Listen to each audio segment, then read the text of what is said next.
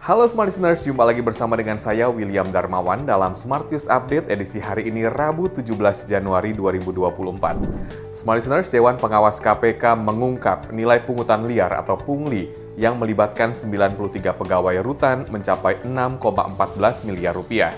Anggota Dewas KPK Albertina Ho mengatakan, dari jumlah itu setiap oknum menerima besaran bervariasi mulai dari 1 juta rupiah hingga 500 juta rupiah.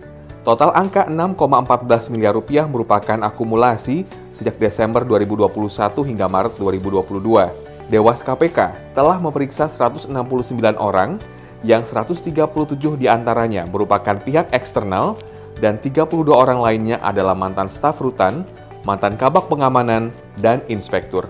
Berita selanjutnya PJ Gubernur DKI Jakarta Heru Budi Hartono menetapkan pajak hiburan naik menjadi 40 persen. Tarif tersebut berlaku untuk diskotek, karaoke, klub malam, bar, dan spa. Kebijakan itu tertuang pada pasal 53 Peraturan Daerah Provinsi DKI Jakarta nomor 1 tahun 2024 tentang pajak daerah dan retribusi daerah.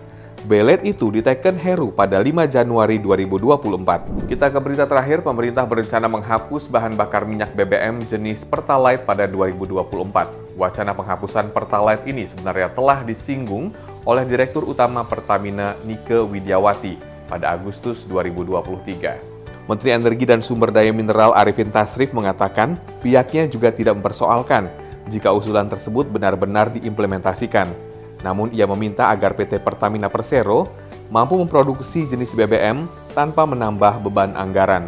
Sekian Smart News Update hari ini, saya William Darmawan mengucapkan terima kasih, sampai jumpa.